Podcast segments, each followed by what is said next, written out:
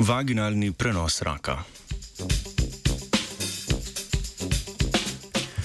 Japonska raziskovalna skupina v reviji The New England Journal of Medicine poroča o dveh dečkih z rakom pljuč, pri katerih je najverjetneje prišlo do vaginalnega prenosa raka med porodom.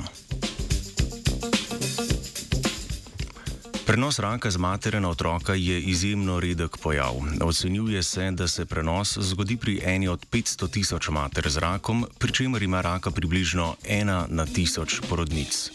V 18 predhodno dokumentiranih primerjih je do prenosa raka z matere na otroka najverjetneje prišlo prek placente.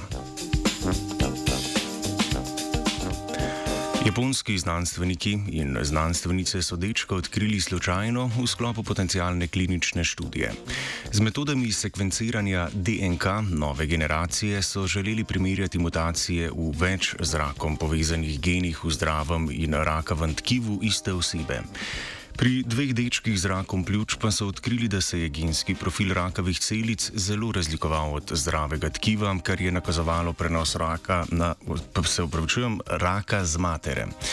Nadaljne analize so pokazale, da celice raka pljuč nimajo kromosoma Y, njihov profil mutacij pa se je močno ujemal z mutacijami raka materničnega vratu njunih mater. Thank you. V predhodnih primerjih prenosa raka z matere na plod prek placente so pri otrocih odkrili več metastas v različnih delih telesa: v možganih, kosteh, jetrih, pljučih in mehkih tkivih. Ker pa so se pri dveh dečkih tumori pojavili le v pljučih vzdolž bronhijev, je japonska raziskovalna skupina sklepala, da je do prenosa raka prišlo med vaginalnim porodom zaradi vdihavanja vaginalne tekočine, v kateri so bile rakave celice.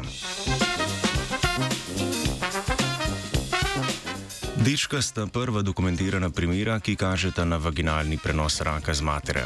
Avtorice in avtori znanstvenega članka zaključujejo, da bi z opisanim postopkom sekvenciranja nove generacije lahko odkrili še več takih primerov in ocenili pogostost tovrstnega prenosa. Raku se ne more načuditi Angelika.